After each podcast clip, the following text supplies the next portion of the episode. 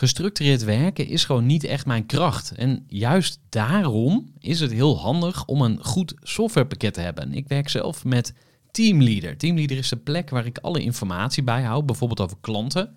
Waarin ik offertes maak en verstuur en die digitaal laat ondertekenen. Waarin ik facturen verstuur, waarin ik lijstjes bijhoud, waarin ik projecten kan managen, waarin ik standaard e-mails kan programmeren. Kortom, ik gebruik Teamleader om alle werkprocessen van mijn bedrijf te stroomlijnen. En zeker ook als je met een team werkt, is het heel fijn om over dezelfde informatie te beschikken.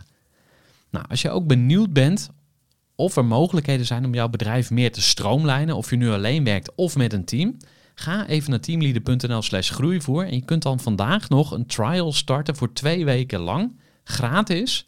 En je kunt Teamleader volledig uitproberen. En na de proefperiode krijg je ook nog zo'n leuke korting als luisteraar van Groeivoer.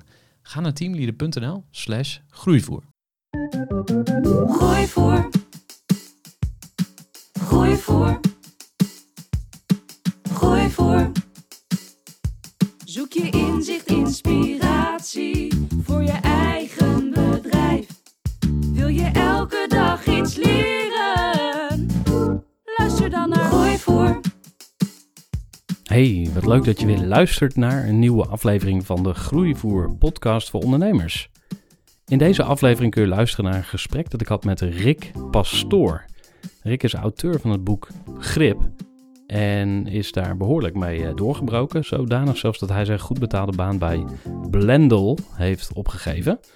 Nou, dat boek daar hebben we het natuurlijk over. Het boek heet Grip. En het gaat over hoe je, zoals de titel al doet vermoeden, grip krijgt op je leven. Want we leven in een tijd van veel, van overvloed, van uh, ook te veel van slechte dingen. Dus niet alleen goede, maar ook te veel prikkels en, uh, en dergelijke. En uh, Rick heeft daar een methode voor ontwikkeld. Eigenlijk een doorontwikkeling van Getting Things Done van David Allen. Nou, ik um, ga lekker met Rick in gesprek om te ontdekken hoe hij in het leven staat, waarom hij het boek geschreven heeft, wat het boek ons kan leren. Dus dat ga je ook ontdekken.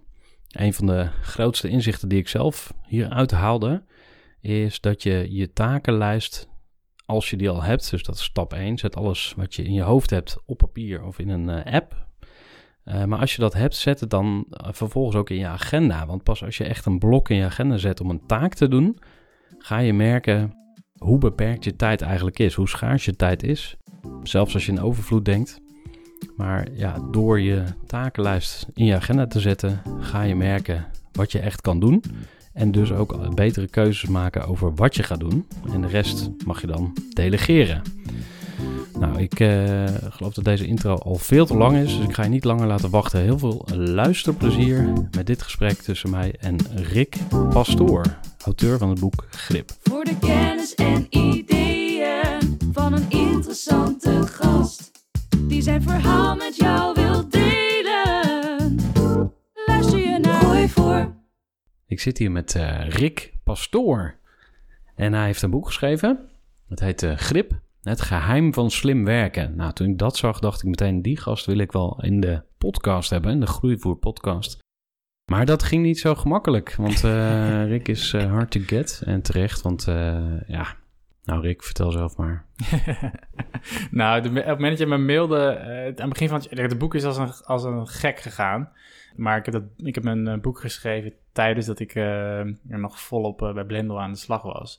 En ik moest mijn tijd al, al heel, ja, ik moest mijn tijd al heel hard verdedigen. Alleen al binnen het bedrijf, laat staan met alles eromheen. Dus dan moet je altijd kiezen waar je je tijd aan, aan besteedt. En ehm, nou, op die manier hadden wij ook even contact. Maar uiteindelijk heb je me toch over weten te halen om, om hier aan te schrijven. En dat vind ik hartstikke leuk.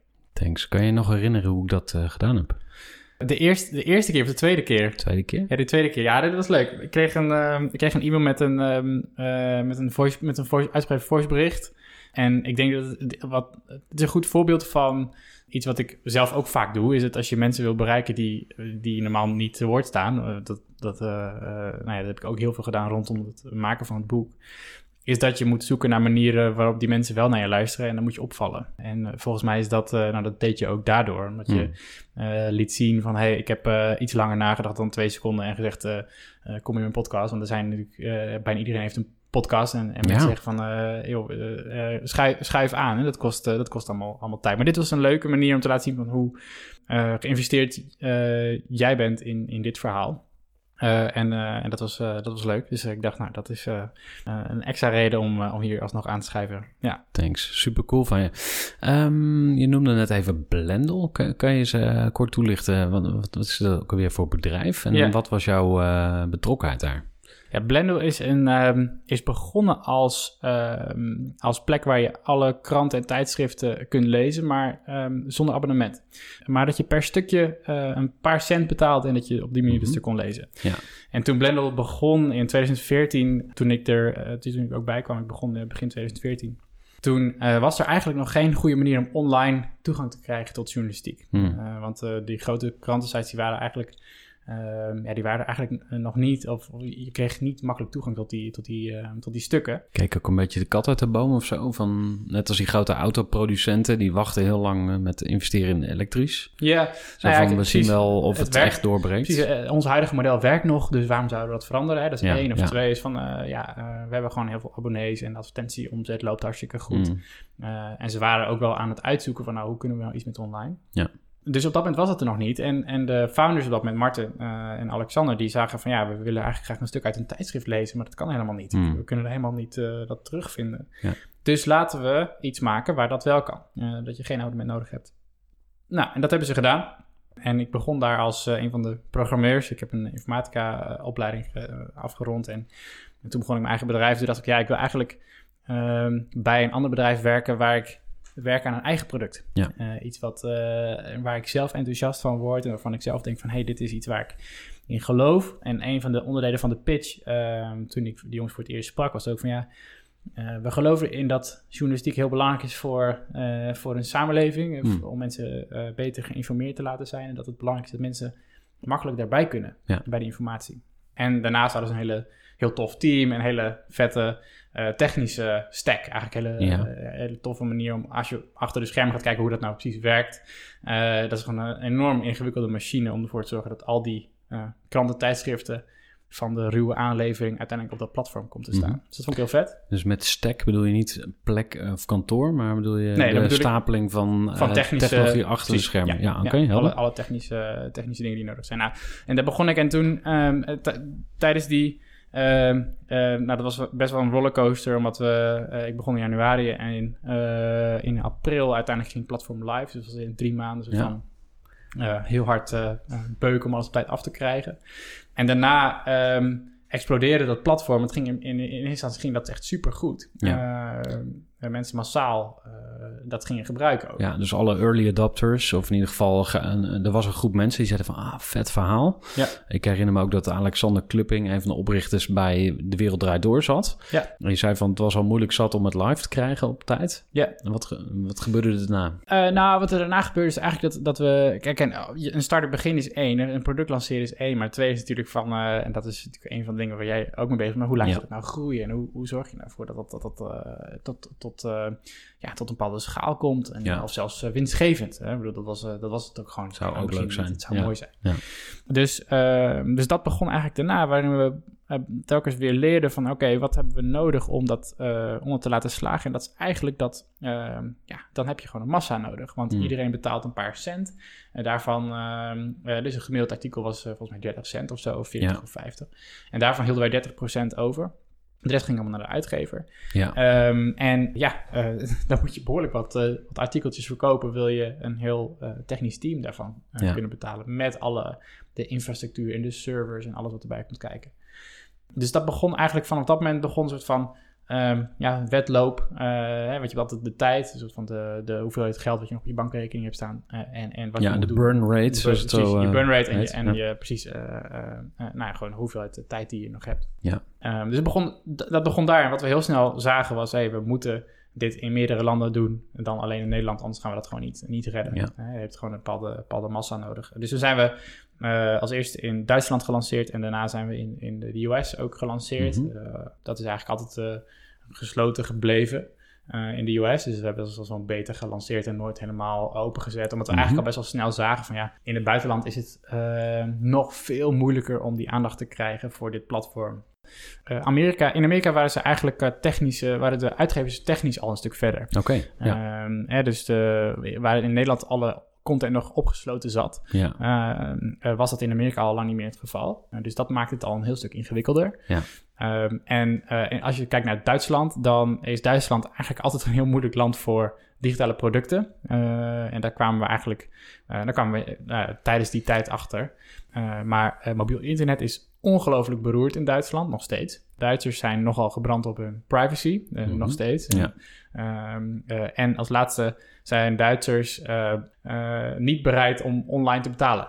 Oké. Okay. dus ja. in Duitsland... Nog veel cash nog, hè? Heel veel cash. Weinig, ja, dat herinner ik me van een vakantie. denk ik van, hè, kan ik hier niet pinnen? Ja, dat is nou? echt heel frustrerend. Heel irritant ook. Heel irritant. Ja. Maar dit is wel... Tel die drie bij elkaar op. En, ja. en een online platform voor, voor journalistiek waar je moet betalen, zeg maar, is gewoon... Ja, is gewoon heel moeilijk. Omdat, wanneer doe je dit? Als je in de trein zit onderweg. Daar heb je dus geen goed internet. Ja. Um, nou ja, dus dat was en nu eigenlijk denk ik meteen aan Azië. Van de, dan ga je dus met andere ogen uh, kijken en zoeken naar waar dan wel. Want ja. het idee is goed. De vraag is alleen waar en wanneer. Dat is dan... Ja, dus we hebben daar...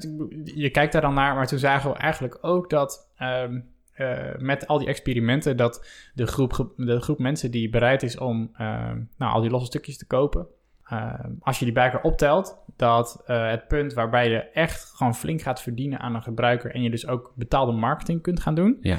Um, we kwamen een punt gewoon tot de conclusie, dat gaan we nooit bereiken okay. met, uh, met paper article. Wow. Zelfs vanuit Nederland niet. Dus Ja.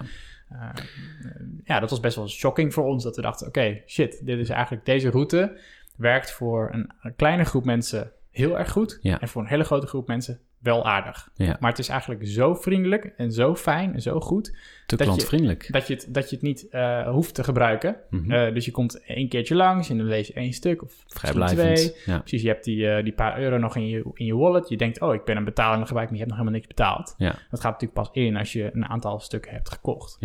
Die marketingkosten liepen jullie dus ook tegenaan? Ja, vooral met omdat we... eh, eh, je hebt gewoon een, een, een, echt een grote groep gebruikers in Nederland heb je al aan boord. Ja. En dan is de vraag, oké, hoe gaan we dit, eh, hoe gaan we dit schalen? En dit is ook waar investeerders natuurlijk naar kijken. Van, is, er, Ja. is er een mogelijkheid dat dit bedrijf 10 of 100 keer zoveel omzet kan gaan draaien? Want Ja. dat is het moment bij zo'n digitaal product dat je met die schaal ook echt winst gaat maken. Want per elke gebruiker die je aansluit, nou, de marginal costs zijn, zijn zero. Dus, je, Ja. dus het kost niet meer om één nieuwe gebruiker aan te sluiten. Ja. Dus ga je kijken naar hoe kun je dan een nieuwe gebruiker werven. Mhm. En dan praat je over wat zijn dan de kosten voor elke Ja. nieuwe eh, gebruiker. En daar begonnen we mee te experimenteren. En dat bleek gewoon echt heel ingewikkeld eh, om dat te doen. Eh, maar daarnaast zagen we dus hè, voor dat bedrag. Want dan ga je kijken, van, kun je een Facebook-advertentie online zetten? En hoeveel kost het dan om een Facebook, één Facebook-gebruiker op je platform te krijgen? Ja. Eh, en dan is de vraag, hoeveel van die Facebook-gebruikers maken ook een account? En dan is de vraag, hoeveel van die Facebook-gebruikers die een account hebben gemaakt... gaan ook vervolgens het product gebruiken en Ja. dan vervolgens betalen? Nou, helemaal achteraan die funnel hielden we bijna niemand over. Nee. Want het is gewoon heel moeilijk voor iedereen. Ja, en waarom is het zo moeilijk? Heb je daar een, eh, een verklaring voor? Nou, ik, ik moet zeggen, ik ben ook wel ge- geprikkeld door dat eh, stuk wat laatst op de correspondent verscheen. Dat is alweer een tijdje terug over dat online adverteren eigenlijk gewoon helemaal niet werkt. Hè, Oké. dus er was een stuk ehm, en dat, ging, dat zei eigenlijk van ja jongens, ehm, ehm, we geven al met z'n allen heel veel geld uit aan die eh, online marketing. Maar ehm, eh, we realiseren ons eigenlijk niet dat we gewoon heel veel geld wegdragen naar die, naar die grote techbedrijven. Ja. Uh, maar eigenlijk leveren ze ons per saldo uh, ja, alleen maar mensen op die eigenlijk niet echt geïnteresseerd zijn, maar gewoon random. Wow, wacht klikken. even. Dus je wordt gewoon genaaid. Is dat eh, Nou ja, wat je zou kunnen denken? genaaid. Uh, de vraag is gewoon of mensen of, of adverteren op die manier uh, wel echt werkt. Hè. De belofte is van je kunt heel gericht targeten en omdat je dat doet, zijn je, is je marketinggeld uh, goed besteed. Ja. Uh, en dan krijg je de juiste mensen terug. Maar omdat het nu ook mogelijk is om dat allemaal helemaal door te meten van Ja. begin tot eind, wordt ineens best wel zichtbaar dat adverteren ja, gewoon een heel stuk ingewikkelder is dan je misschien uh, denkt. En vroeger kon het niet, want dan Nee. had je een advertentie of een spotje op tv en je wist het eigenlijk niet. Dan zag je Mm. misschien een piek in je traffic of iets Ja. en dan dacht je nou, misschien komt het daarvan of misschien Ja. niet. Uh, maar je wist niet hoeveel daarvan dan vervolgens ook daadwerkelijk je product uh, zouden gaan gebruiken. Ja. Nou, dus dat zijn allemaal dingen die we daarover leerden en dat waarvan we eigenlijk dachten, hey, volgens mij Volgens mij moeten we gaan kijken naar een ander businessmodel. Ja. Volgens mij moeten we gewoon gaan kijken hoe we nou, iets nieuws, iets anders kunnen verzinnen, waardoor we mensen meer aan ons product binden. Mhm. Ja, dus één en twee, dat, dat mensen ook al zeiden en in hun gedrag lieten zien, dat het kopen van die losse stukjes, dat dat eigenlijk niet helemaal strookte met eh, de missie. Eh, hè, want als het de missie is, we willen mensen ook eh, dingen laten zien die ze normaal niet lezen. Of hè, een beetje buiten hun bubbel of Ja. buiten hun, Ja. hun bestaande perspectief. En dan moet je niet ook nog een paar cent gaan vragen voor dat stuk. Hè, want anders dan, ehm, ja, dan heeft dat is een extra drempel. En daardoor ga je eigenlijk alleen maar meer dingen lezen waarvan je vooraf al denkt... oh ja, hier ben ik het mee eens. Dat is, namelijk- Ja. dat is de neiging die we hebben. Dus toen dachten we eigenlijk ook, ja, als je die bij elkaar zet... dan zouden we eigenlijk gewoon een bundeltje moeten maken. En het derde eh, datapunt dat we hadden is dat de Blendel nieuwsbrief... waarin je elke ochtend een, een selectie krijgt, een persoonlijke selectie... op basis van eh, een deel van je leesvoorkeuren en een deel wat de Mhm. redactie denkt dat goed is op die dag. Mhm. Dat is nog altijd het allerbeste product van Blendel. Uh, dat werkt nog steeds het allerbeste en de, de hoogste interactie is daar. Dus ehm, toen dachten we, hey, als we nou, als we daar dan een abonnementje van maken, dus gewoon Ja. zeggen, je betaalt een vast bedrag en dan mag je alles lezen wat in die nieuwsbrief staat. Ja. Ehm, nou, volgens ons was dat een, een, een- eh, dat leek ons een, een goede ingang om een abonnement eh, omheen te bouwen. En dat hebben we gedaan. En dat, is, eh, en dat, was ook, dat bleek ook echt zo te zijn. Hmm. Nee, je, je moet natuurlijk mensen overtuigen van een nieuw model. Maar de mensen waarbij dat lukte, zagen ook, die gingen significant meer lezen. Hm. Eh, die zijn eh, tevredener met het product en die, ja, die bleven ook daadwerkelijk terugkomen Ja, en het product gebruiken. want ehm, wat kost het? Dat kost een tientje. Oké. Dus je betaalt een tientje per maand en dan krijg je elke dag, krijg je, eh, nou er zijn er twaalf stukken in die nieuwsbrief. Er zijn er twintig op het platform elke dag, eh, plus eventueel nog een tweede selectie. En daar komt Blender Audio nog bovenop, hebben we later gelanceerd. Eh, dus elke ochtend krijg je een aantal artikelen die worden voor je voorgelezen. Dus kun je luisteren als je onderweg Chill. bent, op je fiets, auto, whatever. Wat wil je nog meer? Ik bedoel... Ja, dan word je dus in één keer nee, bijgepraat. ik echt. Ja. Dus dat, is, dus dat was ook echt, eh, eh, ik denk ook nog steeds, eh, ik, ik gebruik het elke dag met heel veel, met heel veel plezier. Ja. Dus ik denk nog steeds dat het een ding is wat, eh, eh, wat echt een, een probleem oplost, een, een informatiebehoefte oplost. Mhm. Alleen het is, blijft nog steeds ook moeilijk om mensen te overtuigen daarvan, want er is Ja. zoveel gratis beschikbaar. Ja. En er is ook best wel veel kwaliteit beschikbaar. Ook, oh ja, ja. Maar er is ook heel veel beschikbaar wat niet per se kwalitatief goed genoeg is, maar wat, ja, je hebt het niet in de gaten. Eh, Hm. Of het is niet de diepgang die, eh, die misschien goed voor je zou zijn. Mhm, ja. Eh, maar wat er is, dat voldoet. Dus daar zit ook toch wel een stukje idealisme in. Oh, absoluut. Ja, en dat is ook een, ik bedoel, zowel Martin als Alexander Martins is, ik denk twee, twee, drie jaar geleden, nou ik weet niet meer mijn hoofd, maar Mhm. die, die is toen gestopt. Ja. Toen ging Alexander door in zijn eentje. En iedereen zei... Wat dacht jij? Weet je nog wat jij toen dacht? Gast, moet Nee. je dat nou wel doen? Of, Of- of, of was je juist trots op hem? Of hoe, hoe Nou, heb jij ik- dat ervaren? eh, hoe heet, ehm, dat is een goede vraag. Ik, ik denk dat ehm, samen met de rest van het, van het eh, managementteam toen, dat we allemaal zoiets hadden van, hey, volgens mij hebben we het nog niet, eh, we, zijn nog niet we zijn helemaal nog niet klaar. We zijn Hmm. helemaal nog niet klaar met dit, met dit idee, met dit product. En we geloven dat het nog, dat dit gewoon kan. Dat het Dat- gewoon kan dat werken. Voelde je ook echt? Dat voelde ik ook op die manier, ja. Hmm. Dat, dat voel ik ook, eigenlijk ook nog steeds. Ik bedoel, ik denk dat er... Dat er, dat er er, er zijn maar gewoon heel weinig mensen die zeggen... ik, ik neem vier abonnementen op... eh, vier of vijf abonnementen op, op verschillende kranten. Mhm. Dus ik geloof wel heel erg in een platform... wat dat bij elkaar brengt op een manier die transparant is... en die Ja, jou vertelt van... oké, dit is waarom we hebben keuzes hebben gemaakt... eh, en dit is waarom je ziet wat je ziet. Ja, en eh, dit, is, Mhm. dit is wat jij betaalt en dit is wat je daarvoor krijgt. Is dat hoe het platform nu werkt? Nee, dat is nu niet helemaal hoe het werkt. Maar het is wel, dat is wel de ambitie altijd geweest. Ja. Dus vanaf dat moment eigenlijk zijn we met, zijn we met nou, ja, zonder Marten doorgegaan met Alexander. ben je toen ingekocht of zo? Of eh, op een of andere manier Nee, ik was jezelf eigenlijk naar voren ge- geschoven? Of? Nee, ik was al, ik was al vanaf het begin eh, aandeelhouder, maar niet de grote aandeelhouder. Dus Ja. gewoon een onderdeel van het, van het team. Ja. Eh, dat is voor mij eigenlijk nooit heel, heel erg belangrijk geen geweest. Het is geweest gewoon een, Nee, want, ik, want ehm, ik, ik hou er heel van, heb ik ook bij mezelf ontdekt. Ik, ik hou gewoon enorm van het bouwen van zo'n product en het Hmm. oplossen van een probleem. En het bouwen van een team. Dus het zijn een beetje Aha. die twee, die twee eigenschappen en daar, ja, daar kon ik me toen helemaal op richten. Ja. Even een korte onderbreking met een belangrijke vraag aan jou. Want wat heb jij geregeld voor het geval je van de ene op de andere dag zou komen uit te vallen? Wat gebeurt er dan met je bedrijf, maar vooral wat gebeurt er met jou persoonlijk en ook in financieel opzicht? Samen met ASR voerde ik drie openhartige gesprekken over tegenslag en veerkracht. En dat deed ik met Saskia, Vincent en Pieter. Ondernemers met een bloeiend bedrijf die van de ene op de andere dag niet meer konden werken. En die verhalen hoor je in aflevering 256, 257 en 258 van deze podcast. Als ondernemer wil je natuurlijk niet uitvallen. En daarom is het belangrijk dat je veerkrachtig bent, want voorkomen is beter dan genezen. En als het dan toch misgaat, is het fijn dat je iets geregeld hebt, zodat je weer snel door kunt met ondernemen. Wil je weten hoe veerkrachtig jij nu bent? Vul dan in twee minuten de veerkrachttest van ASR in. Ga naar asr.nl slash veerkrachttest ondernemers. Heeft, heeft, het, heeft het jou eh, veranderd, zeg maar, het werken bij Blendel? Ja, ik zou niet weten waar ik moet beginnen. Uh, Blendel heeft... Uh, Blendel is in die zin heel bijzonder, omdat... Nou goed, ik kan niet alweer alle startups binnenkijken, maar wat ik wel erg heb gezien is dat er... bij Blendel is het heel belangrijk, heb ik zelf ook altijd gevonden en en de rest van het team ook, dat je, dat je groeit als persoon.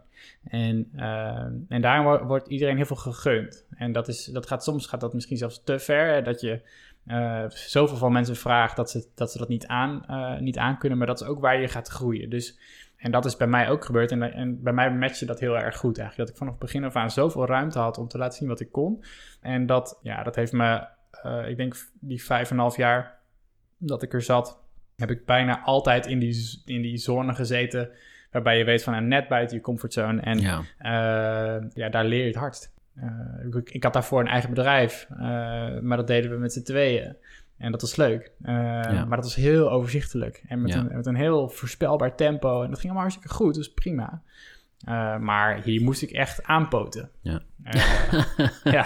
ja, dat kan ik, me, ja, ik kan me er iets bij voorstellen. Maar je hebt er echt middenin gezeten natuurlijk. Ja. ja. Hoe, hoe ziet dat eruit? Een peentjes zwetende Rick Pastoor? nou, dat ziet er niet zo uit. Maar het is wel dat uh, uh, dat ik, uh, en hier, hier, schrijf ik natuurlijk eh, ook voor een deel over in het boek, eigenlijk wel pas aan het eind, maar dat adviesvragen bijvoorbeeld heel belangrijk is. En dat ik in die, in die jaren steeds bezig was met: hey, wie moet ik nu spreken die me kan helpen om dit stukje te tackelen? Er was ja. op dat moment dat we zeiden: oké, we moeten nu iets met online marketing doen. Ja. toen heb ik een paar maanden lang geprobeerd om dat zelf voor een groot deel op te tuigen. En daarna zijn er allemaal andere mensen voor gekomen die gelukkig, die dat ook veel beter kunnen dan ik dat kan. Maar ik moest wel op dat moment soort van, oké, hoe gaan we, wat voor mensen hebben we nodig? Wat voor technieken zetten we in? Hoe zorgen we dat die data klopt? Hoe, wat, wat, voor, uh, wat voor plannen gaan we uitvoeren? En hoe zorgen we op alle lagen, zeg maar, dat we mm -hmm. dit op, die, op de goede manier doen? Ja. En wie in Nederland kan ik dan spreken die daar hè, verstand van heeft? Ja, ja dan... En hoe bepaal je dat ook, hè? Oh, ja, precies. Hoe, hoe, kies je dat? En, uh, Want er zijn zoveel online marketeers. Dat vond ik wel grappig toen je net zei van... ja, er zijn veel vraagtekens bij uh, überhaupt uh, ja. bewijslast... als het gaat om de effectiviteit. Ja. Hoe, hoe, het is super ingewikkeld. Maar, ja. dan, maar dan is het een soort van... ik vind dat Ray Dalio daar heel toffe dingen over zegt. Boek Principles. Precies, Principles ja. heeft hij geschreven. En hij uh, hij, zegt, hij zegt eigenlijk van, um, uh, hij doet van triangulation. Dus hij zegt dan van, nou, ga, en dat heb ik niet op die manier gedaan, wat ik wel een tof concept vind. Hij zegt eigenlijk, ik, ik, ga, ik organiseer een gesprek en dan nodig ik twee experts uit. En die laat ik met elkaar praten en daar zit ik bij. En dan laat ik, met oh, hun, echt, laat ja. ik ze ja. samen uitvogelen van uh, wat is de beste course of action. En dan weet ik ongeveer wat ik te doen, wat ja. mij te doen zet. En ik deed dat niet op zo'n manier, maar ik deed het wel individueel. Dus ik ging dan de ene persoon dingen vragen over hoe doen jullie dit? En wat zou je doen? Wat zou je acties zijn? Dan nam ik die lijst mee en dan ging ik naar de volgende. En dan zei ik, oké, okay, nou, ik heb dit en dit en dit allemaal aan advies ge hmm. gekregen. Of ik ging, natuurlijk vraag je eerst aan die persoon van, nou, hoe zou je dit doen? En dan krijg je een, een tweede set aan informatie. En ja. dan is natuurlijk de vraag, leg ze slim op elkaar. En dan ga je ze uitvragen. En zeg, hey, wacht even, ik hoorde van die zus en van die zo.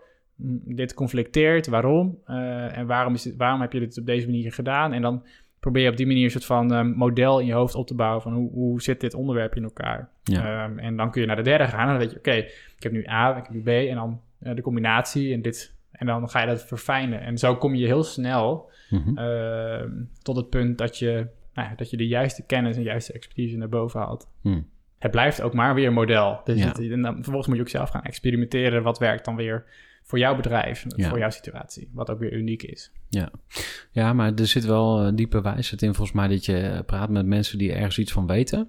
Ja, in, in, het, um, in, uh, in het boek heb ik daar een modelletje voor. De, de, ik heb er een soort van matrix van gemaakt en dat gaat over dat iedereen op twee assen is in te delen. Als je mensen vraagt om advies, en mensen hebben een hoog of een laag uh, idee van jouw context. Dus mensen ja. kennen je goed of niet. Ja. Uh, en mensen hebben een hoge of lage hoeveelheid expertise. Dus ben je ah, wel of okay. geen expert. Dus context moet ook meegewogen worden. Nou, dat hoeft dus, ja, dat kan, maar dat hoeft Dat niet. Helpt. Ik, ik zeg eigenlijk de expert, dat zijn Mhm. de mensen met een met hoge eh, inhoudelijke kennis, maar Ja. met een lage context. Ja.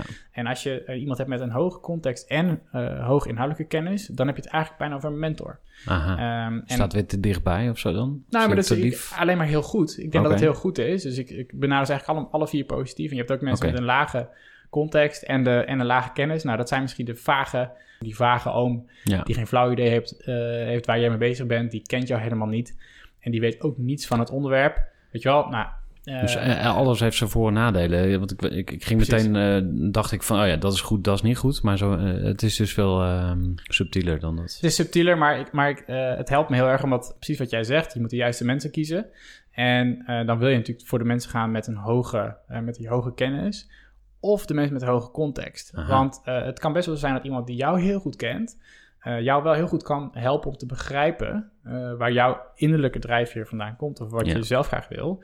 En je daardoor helpt om een volgende stap te maken zonder dat iemand precies weet hoe het, hoe het echt moet. Weet je wel? Dus Ja. kan wel vragen van nou, waarom vind je dit bij mij passen? Of waarom Weet je wel, waar denk je dat ik zelf persoonlijk eh, de mist in zou kunnen gaan? Ja. Dan weet je, dat zijn hele fijne start, startpunten om, om wel advies in te winnen bij niet-expert, zeg maar.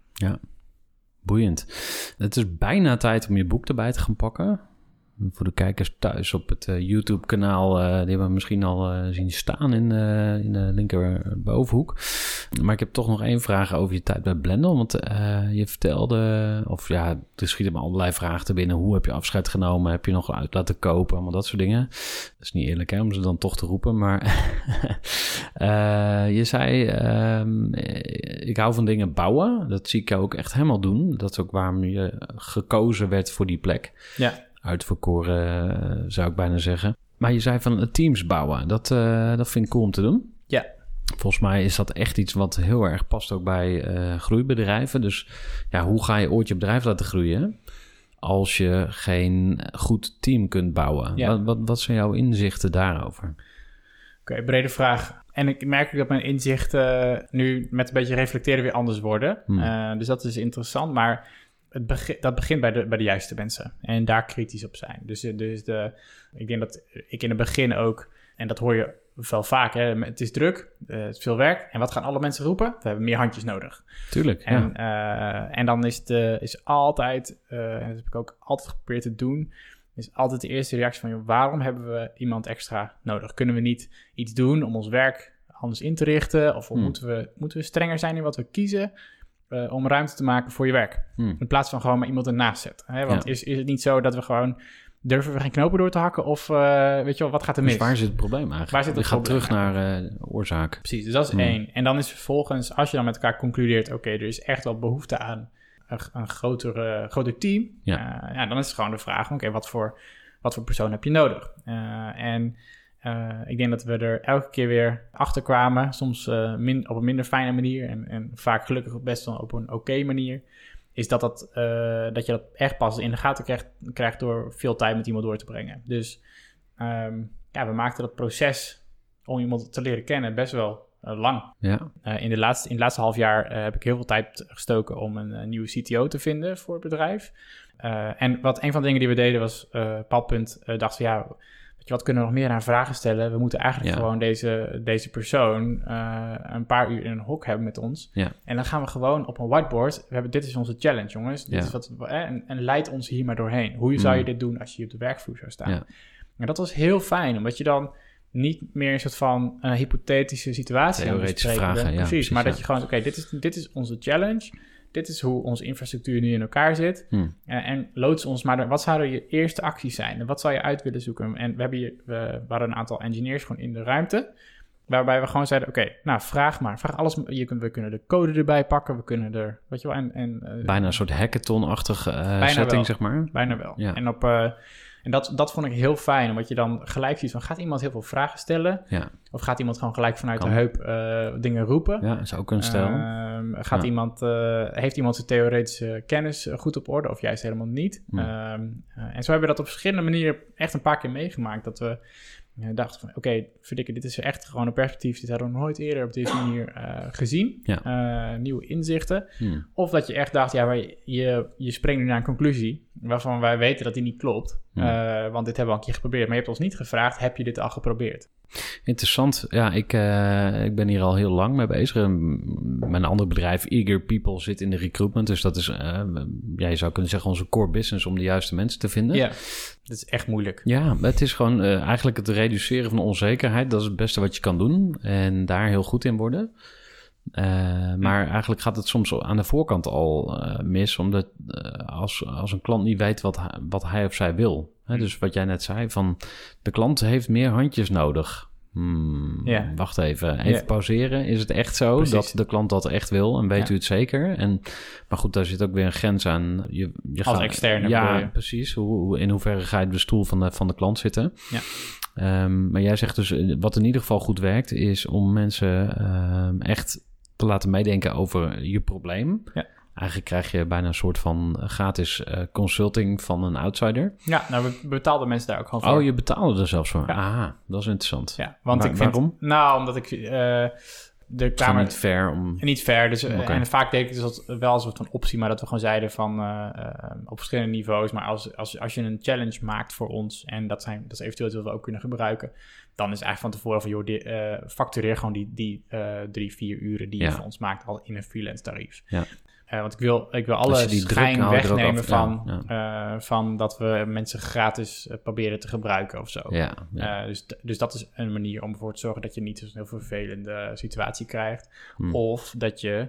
Kijk, want je, je kunt ook nog zeggen, nou, verzin een opdracht die totaal niet in het verlengde van het bedrijf ligt, zodat er, Mhm. dat je het ook nooit kan gebruiken. Eh, maar dat vind ik eigenlijk bijzonder van de tijd. Want ik Ja. stop mijn beste engineers en de beste mensen in dat hok. Ja. Eh, laten we dan ook over iets hebben wat, waar we eventueel ook iets aan hebben, stel dat we niet met elkaar verder gaan. Cool. Kan je eens nog een ander inzicht eh, noemen? Wat uit die tijd waarin je leiding gegeven hebt, jou echt is bijgebleven? Nou, ik denk dat dat. ik moest zelf eh, ehm, heel erg wennen aan dat, dat, eh, eh, het, dat het eigenlijk niet heel erg gaat om eh, je, wat je presteert, hoe goed je werkt, maar dat het nog veel belangrijker is om als, als leider voortdurend te laten zien waar je vastloopt en waar dingen misgaan voor jezelf. Omdat je anders. ik, ik, ik, hou van een hoge standaard voor mezelf en, en ook voor de mensen om me heen, maar daarmee kan ik ook wel afstandelijk worden. Dat ik echt moest leren dat het helemaal oké is als ik ook laat zien van oké, hier is waar, dit is waar ik vastloop. En wat was precies je inzicht?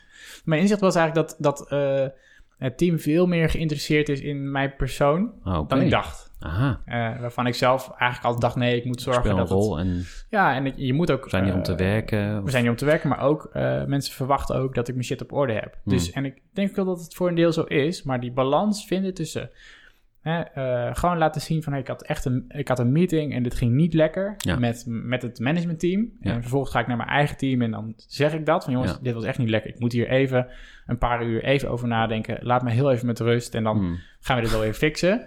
Maar alleen dat al zeggen maakt al mij meer mens. Ja. Eh, en dat was wel een proces. Maar de, ja, Oh, en, en daar ben je dus in gegroeid. Daar ben ik in gegroeid en we hebben ook eh, coaching gehad van een, eh, van een bedrijf. Het bedrijfje, nou, dit is, dit geval heet het ITIP, maar er zijn verschillende van dat soort bedrijven die dat doen. Die tip. Ja. Die eh, komen hier eh, eh, waarschijnlijk volgende week langs. Wat leuk. Ken je Roet? Ja. Ja, die belde ik vrijdag mee. Oh, wat leuk. Ja, Nou, Ruud heeft ons, Ruud heeft ons intensief gecoacht en op, op teamniveau. En Ja. dat was super waardevol. Cool, Eh, zeg. eh, dus eh, ja, dat was echt... Want ITIP is, is instituut voor volgens mij persoonlijke ontwikkeling of zo. Ja. Of, hè, dus zij zijn daarin gespecialiseerd. Het bestaan al 35 jaar. Maar jij, eigenlijk geef je nu nog een tip van zoek ook als je echt wil groeien en wil bouwen aan je bedrijf, zoek ook begeleiding van buiten. Nou, dat is natuurlijk 100% in mijn straatje. Want met Groeivoer helpen we bedrijven en ondernemers groeien. Ja. Ik geloof zelfs dat in de toekomst het bijna ondenkbaar is dat je geen coaching hebt. Hè? Hmm. Net zoals je thuis een spiegel hebt hangen. Dat het gewoon makkelijker is. eh, eh, moet je ook een spiegel inkopen. Omdat, omdat je het jezelf gewoon onnodig moeilijk maakt als je dat niet doet. ben ik het helemaal eens. Ja, Ja, en, En- ik, denk, dat- ik denk zelfs dat dat... eh, ik vergelijk het altijd nog met dat... het is bijna logisch dat je iets van Headspace of zo gebruikt voor, je, voor je hoofd. Om te ontspannen of tot rust te komen. Ja. En daar geven we ook gerust geld aan uit. Ook als werkgever wordt, geef je daar dan geld aan uit voor je medewerkers. Maar op persoonlijk vlak is dit altijd nog wel een beetje... Een, bijna een nou, taboe is misschien eh, een beetje te groot. Hè? Want als je echt vastloopt, dan wordt dat echt wel geregeld. Maar als doorlopend onderhoud. Ja. eh, om, om soort van mensen te helpen om te zien, hey, je moet eens even met die persoon gaan praten als advies. Of als adviseur, of als Ja. expert, of als mentor. Of zoek iemand Ja. die dat eh, voor je doet. Ja, dat, is nog, dat, dat doen we echt nog veel te weinig. En dat gaat van, op alle niveaus. Dus ik ben het helemaal met je eens. Ja. Ehm, maar de rode draad in, in, of in die vergelijking is natuurlijk dat eh, mensen eigenlijk heel dom zijn. Want je doet niet wat goed voor je is. Namelijk Ja, ja. bewegen, eh, je laten coachen, een goed bed kopen. Dit moet jou als, eh, als engineer-minded gasten aanspreken. Zie jij nog meer domme dingen waarvan Nou ja, je dat moeten fixen? Kijk, dus de, de, het is interessant, want je raakt aan... ehm, eigenlijk raak je aan mijn- mijn persoonlijke missie. Yes, nu gaan we je boek erbij pakken. Wil je hem eens ehm, van de schouw halen? En eh, voor het beeld eh, hier, eh, want je hebt een boek geschreven. Ja. En dat komt voort uit jouw persoonlijke missie. Ja, en de, precies. En dat, en dat boek komt hieraan gerelateerd. Is eigenlijk wat je, wat je net zegt. Is van, ehm, eh, we, er zijn heel veel dingen die we kiezen. We maken de hele dag door. zijn er allerlei dingen waar we een besluit over nemen. Ja. Wat ik zelf heb ontdekt is dat ik het heel leuk vind om mensen te helpen om slimmere keuzes te maken. Zo, daar werkt sluit Blendel eigenlijk heel goed op aan. Want het Ja. gaat ook over keuzes maken. Journalistiek helpt je om te kiezen. Waar moet ik in geloven, waar niet in. Eh, en grip gaat eigenlijk over keuzes maken als het gaat over je tijd. Ja, ik kom er steeds, ik kom er eigenlijk elke keer weer achter dat eh, tijd is, is een van de dingen die we echt niet terug kunnen verdienen. Nee. Eh, waarbij dat met geld nog best nog wel ergens kan. Ehm, eh, maar zeggen we toch, hè, geld is me, kun je maar één keer uitgeven. Daar zijn we heel kritisch op. Ja. Maar als het gaat over onze tijd, dan, Raar, dan pissen we het weg. Ja. Dat is eigenlijk wat er... Wat Dus je er kent Warren Buffett wel, toch? Of niet? ja, ja, zeker. Ja. Die zegt ook, dit is het enige wat ik niet kan kopen. Precies, precies. En, Terwijl hij heeft miljarden. Dus, exact. Dus er... Dus er eh, maar we pissen het continu weg, zeg jij? Precies, en dat is en ik merk dus dat, eh, eh, nou, dus dat met een aantal basisregels, en die staan hier in het boek, en daar, daar Mm. kunnen we zo meteen heel veel over hebben, maar ehm, eh, kun je daar een hele hoop aan doen om dat iets slimmer te doen. Ja. Maar ik kom er nu eigenlijk achter dat, kijk, een boek is ook maar een, een. Momentopname, ja. Ja, ja. ja, en het is ook maar een, is een blok papier. En eh, eh, eh, het is hartstikke leuk om een boek te schrijven. Maar laten we wel wezen, er zijn heel veel mensen die lezen eh, weinig tot niets. Ja. Of die kopen een boek met alle goede intenties, maar die denken dan vervolgens, ja, eh, ik lees het niet uit. Ja. Ik- want eh, ik heb gewoon heel veel boeken liggen, die moet ik nog lezen. Eh, en vervolgens eh, gaan we toch Netflix kijken. Dus, eh, dus ik ben ook eh, ben dus nu aan het nadenken over hoe zou je, eh, wat zijn andere manieren die je zou kunnen inzetten om mensen te helpen om betere keuzes te maken. Jij zegt eigenlijk net van, nou, waarom, waarom doen we niet de dingen waarvan we weten dat ze goed zijn? Ja. Eh, nou, ergens denk ik dat dat ook komt omdat we gewoon niet weten waar we moeten beginnen. Oké. Ehm, dus zit ik erover na te denken van, wat nou als er... eh, zou je iets kunnen bedenken wat wel degelijk onafhankelijk is? Dus dat het niet Mhm. degene is die, die ook je bed verkoopt. En dat het niet degene is die ook, ehm, eh, die ook de, de centen opstrijkt... als jij je bij een bepaalde kinderopvang inschrijft, om Ja. maar dwarsstraat te noemen. Ehm, eh, waarom is er niet... of eigenlijk vind ik dat, dat journalistiek die rol invult. Hè, van een soort van de, je helpen om echt betere keuzes te maken. Op een onafhankelijke manier. Ik denk dat daar nog hele hoop te winnen is. Van Ja. wat ga ik vanavond doen? Ja. eh, tot eh, wat, eh, ik wil een nieuwe bank. Waar koop ik de beste nieuwe bank? Nou, een beetje wat. Consumentenbond ergens doet. Ehm, Ik vertrouw zelfs kampioen niet meer. Dat blad van de ANWB. ja, Het staat bomvol advertenties. Ja. Vroeger stond, stond er dan zo'n test in van... nou, nou je, je wil een eierkoker. Ik noem maar even iets belachelijks. ja, Nou, en dan kwam de beste eruit. En dan wist je gewoon van... nou, dat zit wel snor. Daar zit voor mij ook een allergie of een, een, Ja. een jeukpuntje... van zodra ik het gevoel heb dat er een belang is...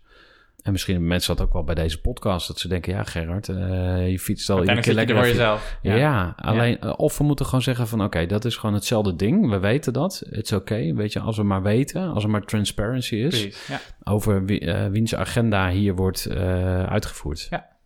Ja, misschien is dat zo.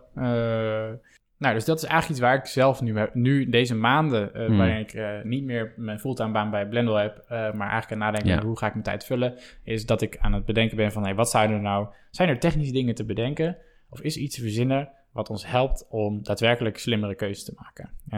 En dat kan heel breed, maar dat is bijvoorbeeld ook een heel, wat ik fascinerend onderwerp vind, is natuurlijk het hele eh, alles wat er moet gebeuren rondom eh, alle klimaatveranderingen die daar aan de gang zijn. En eh, dat we weten hoeveel er aan werk op ons af aan het komen is nu, binnen nu en tien jaar. En ook tussen nu en, en, en 2050, waarin we met elkaar hebben afgesproken dat we naar die 0% uh, gaan. Hè? Dus we realiseren ons nog niet voldoende dat de, de, hele wereld anders wordt voor ons. En wat er aan werk achterweg komt. Alleen als je dan volgens gaat vragen, wat zou jij nou, wat, heb je iets bedacht wat, Ja. jij, wat jij nu vandaag of morgen gaat doen? Dan zegt iedereen, ja, ik heb geen idee. Ik weet eigenlijk, ik weet het niet. Ik weet helemaal niet waar ik moet beginnen. Is dat ook intellectuele luiheid misschien? Of eh, gebrek aan aandacht? Of eh, hoe zou jij... ehm, Het is dat. Het is een combinatie van die, van die dingen. Het is onwil, maar het is ook dat je gewoon eh, eh, echt letterlijk zo, een, zo overspoeld wordt door informatie. Hmm. Ehm, elke dag weer met nieuwe informatie. Dat is één. En twee is dat het niet gepersonaliseerd is. Dus eh dus zo'n bak aan informatie waarbij ik niet meer eens weet...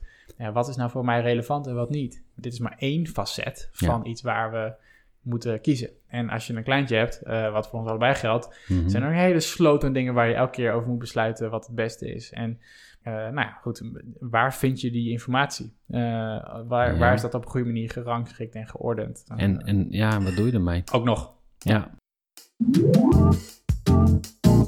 Groeivoer. Groeiclub. ja tussendoor even nog een eh, klein bericht voor je. Eh, ik was nog vergeten dat Rick mij ook geleerd heeft om te gaan werken met een accountability partner. Dat is een eh, begrip waarbij je een buddy zoekt die jou aan je eigen afspraken houdt.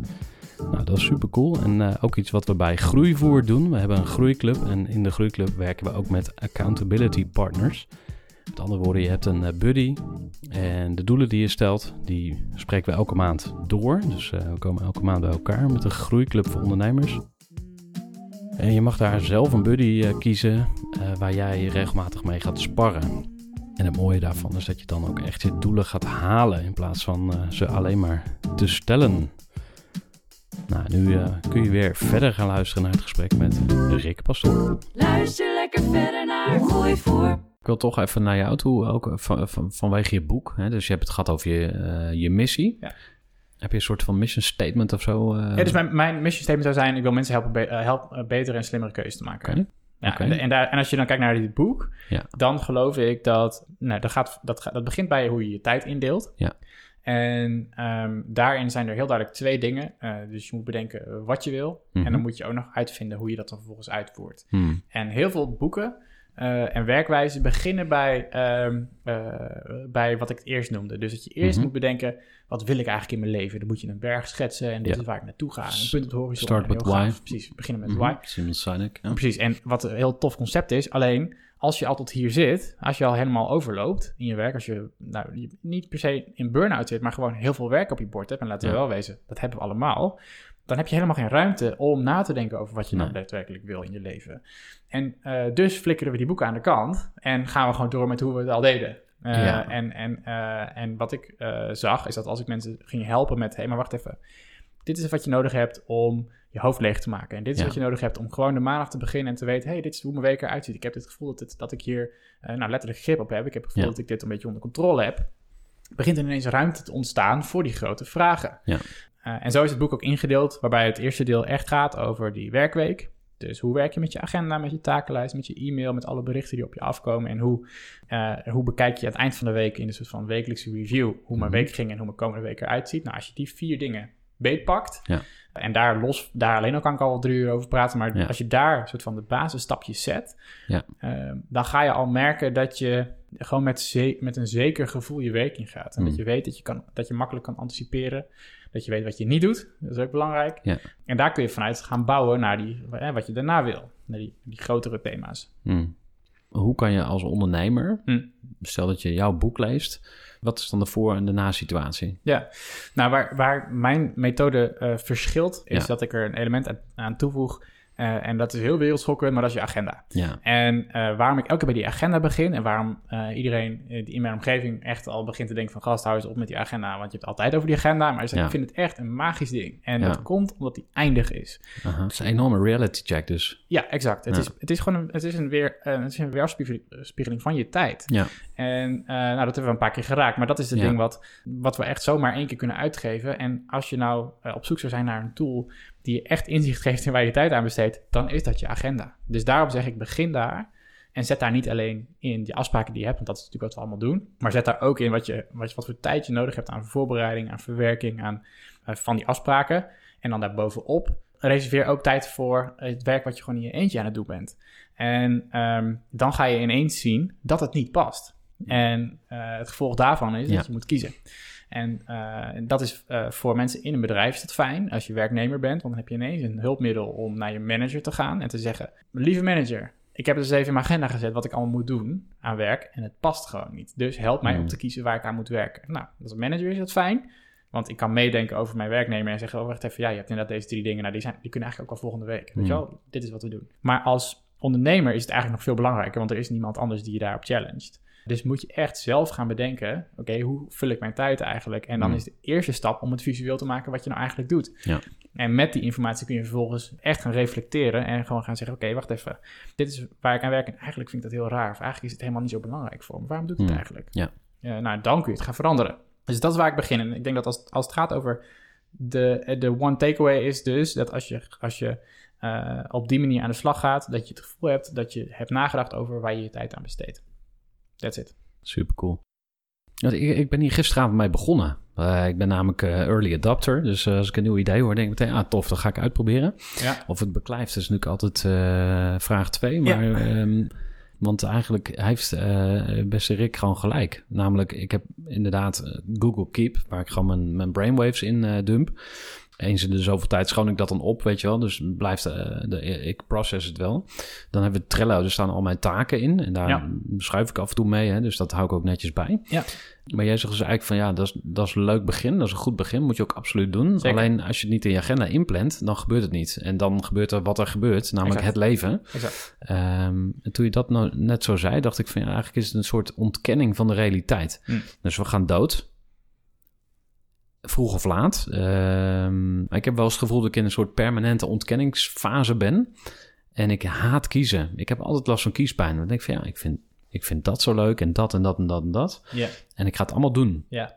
En dat is een recept voor ellende en toch doe ik het. Ja. Dus hoe irrationeel is dat dan weer? Ja, ja. Nou ja, het is dat, je kunt het op zo'n manier bekijken. Je kunt ook, eh, ik hou er wel meer van dan dat vanuit een toch vanuit gaat naar de positieve- hoopgevende kant. Ja, toch van oké, een positief op. Hè, het is echt mooi als je zoveel energie hebt. En als je, als je denkt, Ja. ik wil dit allemaal. En dat is, ook, dat is ook echt top. En ik ben de laatste om dan te zeggen van, joh, doe maar wat minder.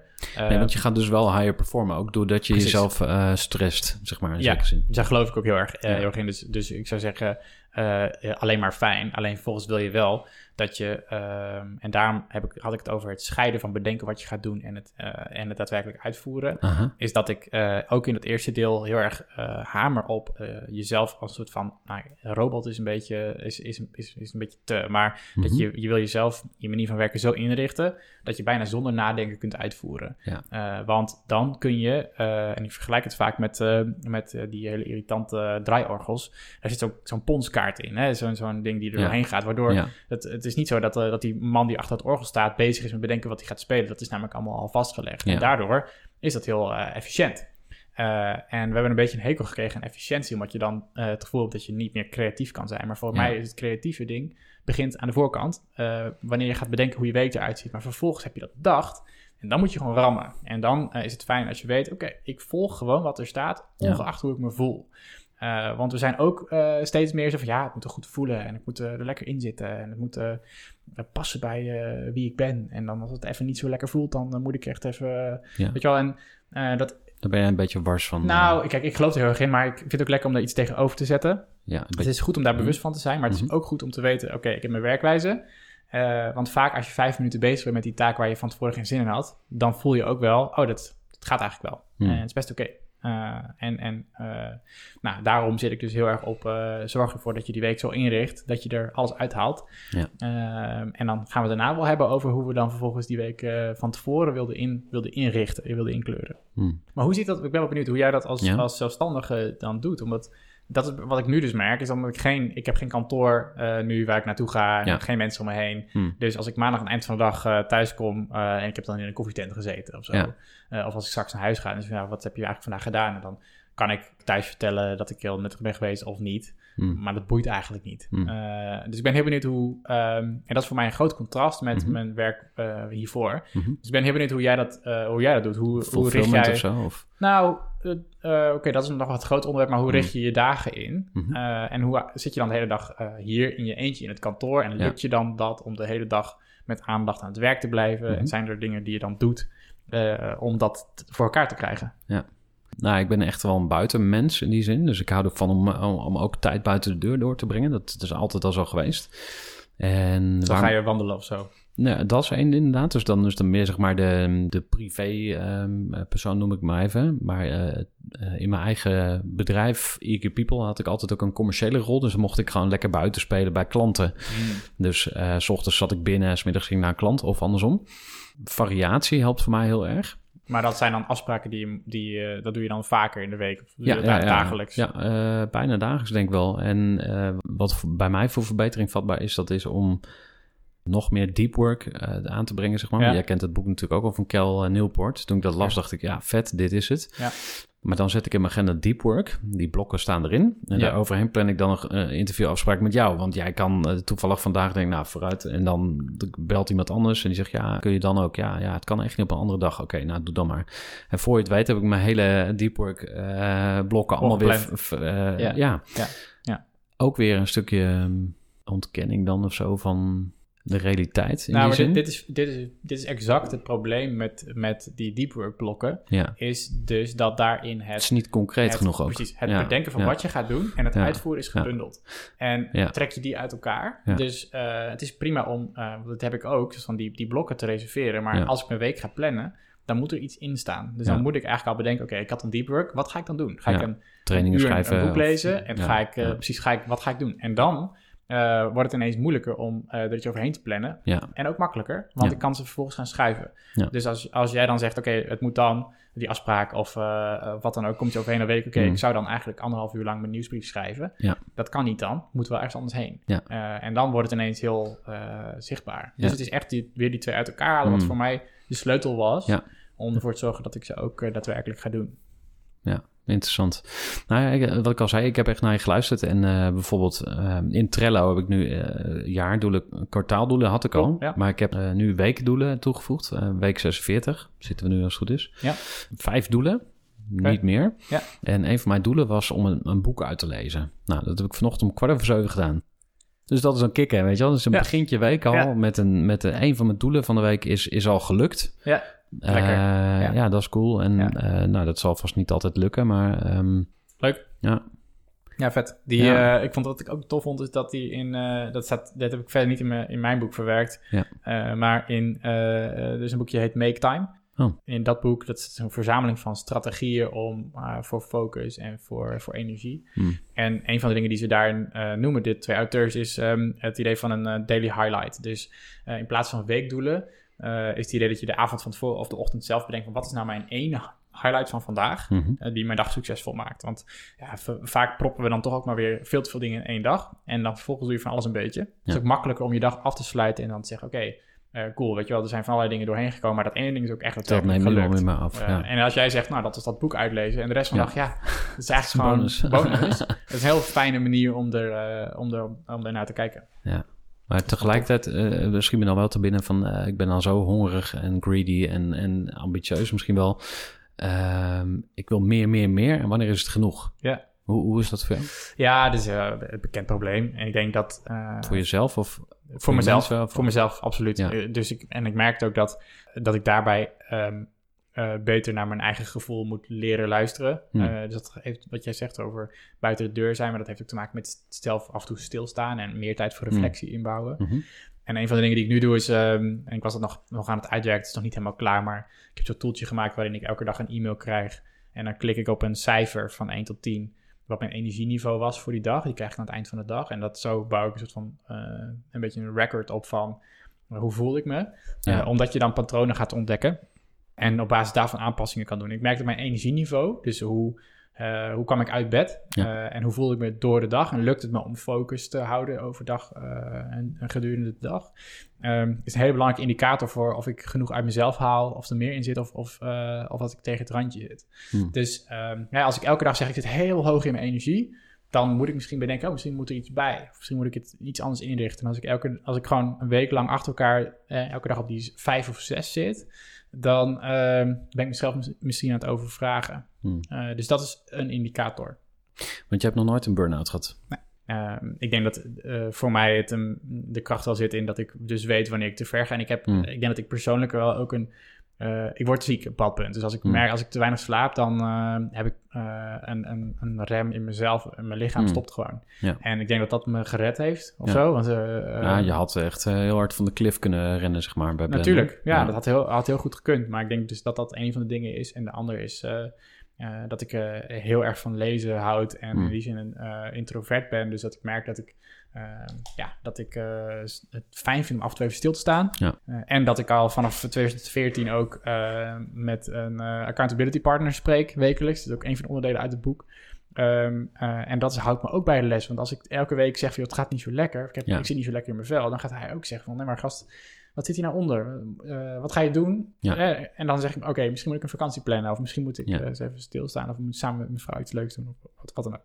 Dus het zijn wel een paar van die dingen die, die ik heel bewust eh, in mijn leven heb gepland. Waardoor Hmm. ik denk van, hé, hey, daardoor ben ik er ook niet tegen aangelopen. Dus, ik, dus eh, ehm, nou goed, maar misschien, misschien moet het nog komen. Ja, Ja. dat zou Of niet, ja, ja ik, ik, ik weet het niet. ik hoop, eh, ik hoop het niet. Ik- het- Nee, maar ik, hoop, ik, ik hoop, en dat is, ik denk dat is wel grappig. Ik denk Mhm. dat eh, het is een groot probleem in deze tijd. Heel veel mensen lopen hier tegenaan. Bijna 20% van de mensen heeft te maken met, af en toe te maken met, eh, met burn, eh, burn-out klachten.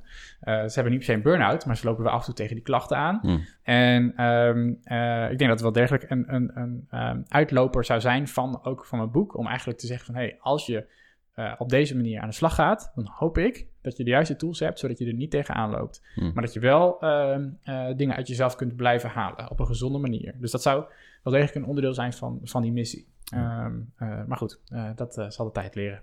Ehm, ik wil nog even één ding eruit pikken. De accountability partner. Ja. Hè? We hadden het er al over van... eigenlijk zou iedereen een, een coach of een business coach of whatever... maar in ieder geval iemand waar je mee kan werken. Ja. Accountability partner. Wat, wat, wat ja, dus het, het, het, het idee daarvan is eigenlijk dat eh, hè, onze eigen discipline gaat maar tot zover. Eh, Tot we moe zijn of zo? Tot we Of- moe zijn of totdat, hongerig. eh precies, totdat het regent. Weet je wel, dat is gewoon het moment dat, het gewoon, dat je gewoon denkt, ik ga, ik ga toch niet hardlopen. Nee, ja. En ehm, ik las de, dus jaren terug las ik van iemand die, die, dat, die dat concept opperde. Het is niet mijn eigen idee, of Ja. die accountability partner, maar die zei van, hey, wat hij deed was met een vriend elke week een kort gesprekje en een paar vragen over Mm. hey, hoe, hoe gaat het eigenlijk met je, wat ging goed, wat ging niet goed en wat Ja. ga je de komende week doen. En toen dacht ik, ja, dat vind ik echt best wel een tof idee. Ja. Eh, dus heb ik een jongen gevraagd waar ik eh, eerder eh, op een zakelijke manier mee had samengewerkt. We kennen Mm. elkaar nog helemaal niet zo heel goed, maar ik wist wel van, oh ja, dat is wel iemand die ook dit soort dingen leuk vindt. Dirk. En Dirk die, die reageerde ik mailde hem. Ik zei, joh, zullen we dit eens proberen? Eh, en dan doen we dat even over Skype, want... eh, weet is hij ondernemer? hij is ondernemer. Wat voor bedrijf heeft hij? Hij, eh, heeft, nou, hij is nu niet meer ondernemer, maar hij was toen ondernemer. Hij had een grafische vormgeving Oh ja, oké. en marketing. En toen heeft hij, ehm, eh, toen zijn we samen dat gaan doen. En toen hebben we eigenlijk telkens het concept een beetje bijgeschaven. Wat, voor, Mm. wat voor vragen zijn wel of niet relevant. Maar wat we doen is wekelijks via Skype een half uurtje. is ook echt heel strak ge- getimed. Ja. Ik praat een kwartier, hij praat een kwartier. Eh, we hebben het allebei van tevoren voorbereid. Dus Mm. het is eigenlijk alleen gewoon de vragen. Drie vragen? Het, ja, het, zijn het het zijn er nu vijf, denk ik. Maar dat Ja. wisselt een beetje. Mhm. Waarbij het inderdaad een soort van, eh, hey, wat, wat ging lekker de afgelopen week? Dus je hebt ook even een moment om eh, daar ook trots op te zijn. Wat Ja. ook prettig is, maar wat, en wat, waar liep je in vast? En wat voor, nou, er zijn een paar vragen. Mm. Dus een van de vragen die we nu erin hebben zitten is van, hey, hoe word ik de komende week een betere vader en man? Oh, en ehm, en die, dat is ook een vraag die er later pas eigenlijk bij kwam, omdat we elkaar beter leren kennen en ook dacht van, hey, het is ook leuk om iets meer van ons privéleven te delen dan alleen Mm. ons werk. En dan komen er uiteindelijk een lijstje uit met van dit zijn de dingen die ik de komende week wil doen. Dat zijn misschien een beetje de doelen die jij omschrijft. eh, die je dan in Trello hebt staan. Ehm, en daar gaan we dan mee aan de slag. En dan eh, Mm. na die week, dan, eh, nou ja, dan moet je met je billen bloot, zeg maar, of het dan wel of niet is gelukt. En dat werkt gewoon, het werkt super goed. Omdat je natuurlijk weet van ja, eh, het is nu vies weer. Ik moet eigenlijk sporten. Ik had bedacht om dat te doen, eh, maar ik ga niet. Weet je, dat, is, eh, dat kan gewoon als je in je Hmm. eentje werkt. Maar als je weet dat je vervolgens op die woensdag, op die vrijdag, als je elkaar spreekt, moet zeggen: het is niet gelukt. Hm. Ja, wat had je voor excuus, weet je wel? Ja. Dus, dus dat werkt, dat werkt ja, ja. ja. ja, en zo'n concept kan ook sleets worden. Dus je, Hm. je wil ook Oh, dat, je, dat je de vragen, hè, want we merken dan soms dat er dan een vraag in zit die we wekelijks spreken, waarbij, waarbij er wekelijks hetzelfde antwoord komt. We hadden ook eerst een vraag van wat is je belangrijkste doel deze week? Nou, en Ja. die, die vragen hebben we inmiddels hebben we eruit gegooid, want we weten eigenlijk wel van elkaar en elke Ja. week hetzelfde antwoord is niet boeiend. Ja. Dus eh, Het gaat je tegenstaan dan. eh, gaat je tegenstaan, dus af en toe Mm. moet je ook gewoon denken, oké, we gaan het even, eventjes helemaal anders doen. Cool. Dus dat is het idee en dat staat hier in dat boekje helemaal uitgebreid Staat er ook in, ja. Vet. Ehm, er zit heel veel in volgens mij. Er zit heel veel in. Eh, dat zeggen mensen ook, want het is gewoon heel, het is heel dens. Het zit, er zit heel veel informatie in. En dat is ook wat me soms tegenstaat. Dat je dan lees je een boek en dan heb je het eerste hoofdstuk gelezen. En de rest van het boek is eigenlijk de herhaling van het concept uit het eerste hoofdstuk. De toepassing ervan. Eh, en daar heb ik zelf een hekel aan. Dus ik dacht, nou, dat ga ik niet ook doen. We gaan het eh, voor nu hierbij laten. Ehm, Rick, eh, als we wat meer over jou willen weten, hoe, waar moeten we dan naartoe? Bela- het makkelijkste is het, Twitter. Eh, Rick Pastoor, Twitter. Eh, het boek kun je bestellen via gripboek.nl. Ik heb vandaag eh, trouwens de hardcover versie aangekondigd. Oh, dus cool. het leek me leuk om hardcover... Niet omdat de mensen dan vroegen eigenlijk, maar gewoon dat ik dacht, vind ik leuk om te doen. Hmm. Ehm, maar via, eh, via Twitter eh, en via mijn website kun je het boek bestellen. En dan is er nog een derde poot, dat is mijn nieuwsbrief. eh, Mhm. Via werkslim.nl, dat is een Nederlandstalige nieuwsbrief, elke maandagochtend. Met ja, concrete handreiking voor iets wat je in die Mhm. week kan doen met je werk. Het is echt, wat het grappig is, jij richt je op ondernemers. Ik richt me heel expliciet niet op ondernemers. Ja. Ja, maar juist op individuele, individual contributors, zeg maar. Dus Ja. iedereen die individueel bijdraagt. Mhm. Dat zijn we uiteindelijk allemaal. Ja. In welke vorm je ook zit. Ehm, dus dat, is, dat is een onderscheid. Maar dat is wat ik ook in die tips doe. Het zijn echt voor iedereen die werkt.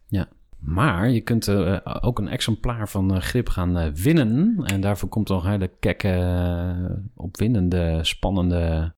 Of misschien niet, maar in ieder geval komt er een winactie op de socials. Heel goed. En dan krijg je een gesigneerd exemplaar. Aha. Toch? Ja, goed. Oké. En, Gaan we doen. ehm, ja, ik wens heel werkend Nederland en natuurlijk alle ondernemers heel veel grip op hun tijd.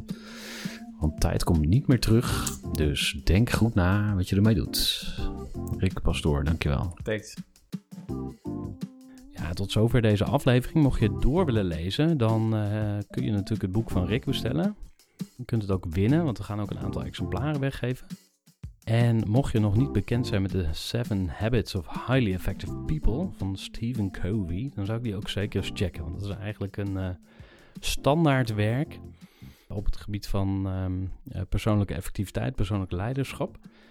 En zelfs als je niet eh, aan lezen toekomt, dan is er altijd nog Storytel.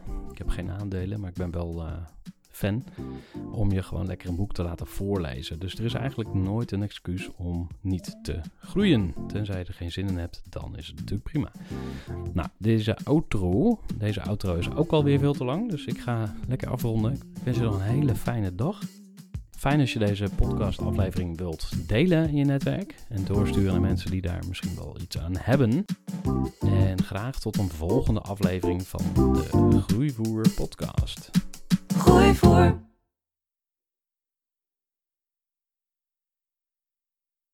Gestructureerd werken is gewoon niet echt mijn kracht. En juist daarom is het heel handig om een goed softwarepakket te hebben. Ik werk zelf met Teamleader. Teamleader is de plek waar ik alle informatie bijhoud, bijvoorbeeld over klanten. Waarin ik offertes maak en verstuur en die digitaal laat ondertekenen. Waarin ik facturen verstuur, waarin ik lijstjes bijhoud, waarin ik projecten kan managen, waarin ik standaard e-mails kan programmeren. Kortom, ik gebruik Teamleader om alle werkprocessen van mijn bedrijf te stroomlijnen. En zeker ook als je met een team werkt, is het heel fijn om over dezelfde informatie te beschikken. Nou, als je ook benieuwd bent of er mogelijkheden zijn om jouw bedrijf meer te stroomlijnen, of je nu alleen werkt of met een team, ga even naar teamleader.nl slash groeivoer en je kunt dan vandaag nog een trial starten voor twee weken lang, gratis. En je kunt Teamleader volledig uitproberen. En na de proefperiode krijg je ook nog zo'n leuke korting als luisteraar van Groeivoer. Ga naar teamleader.nl slash groeivoer.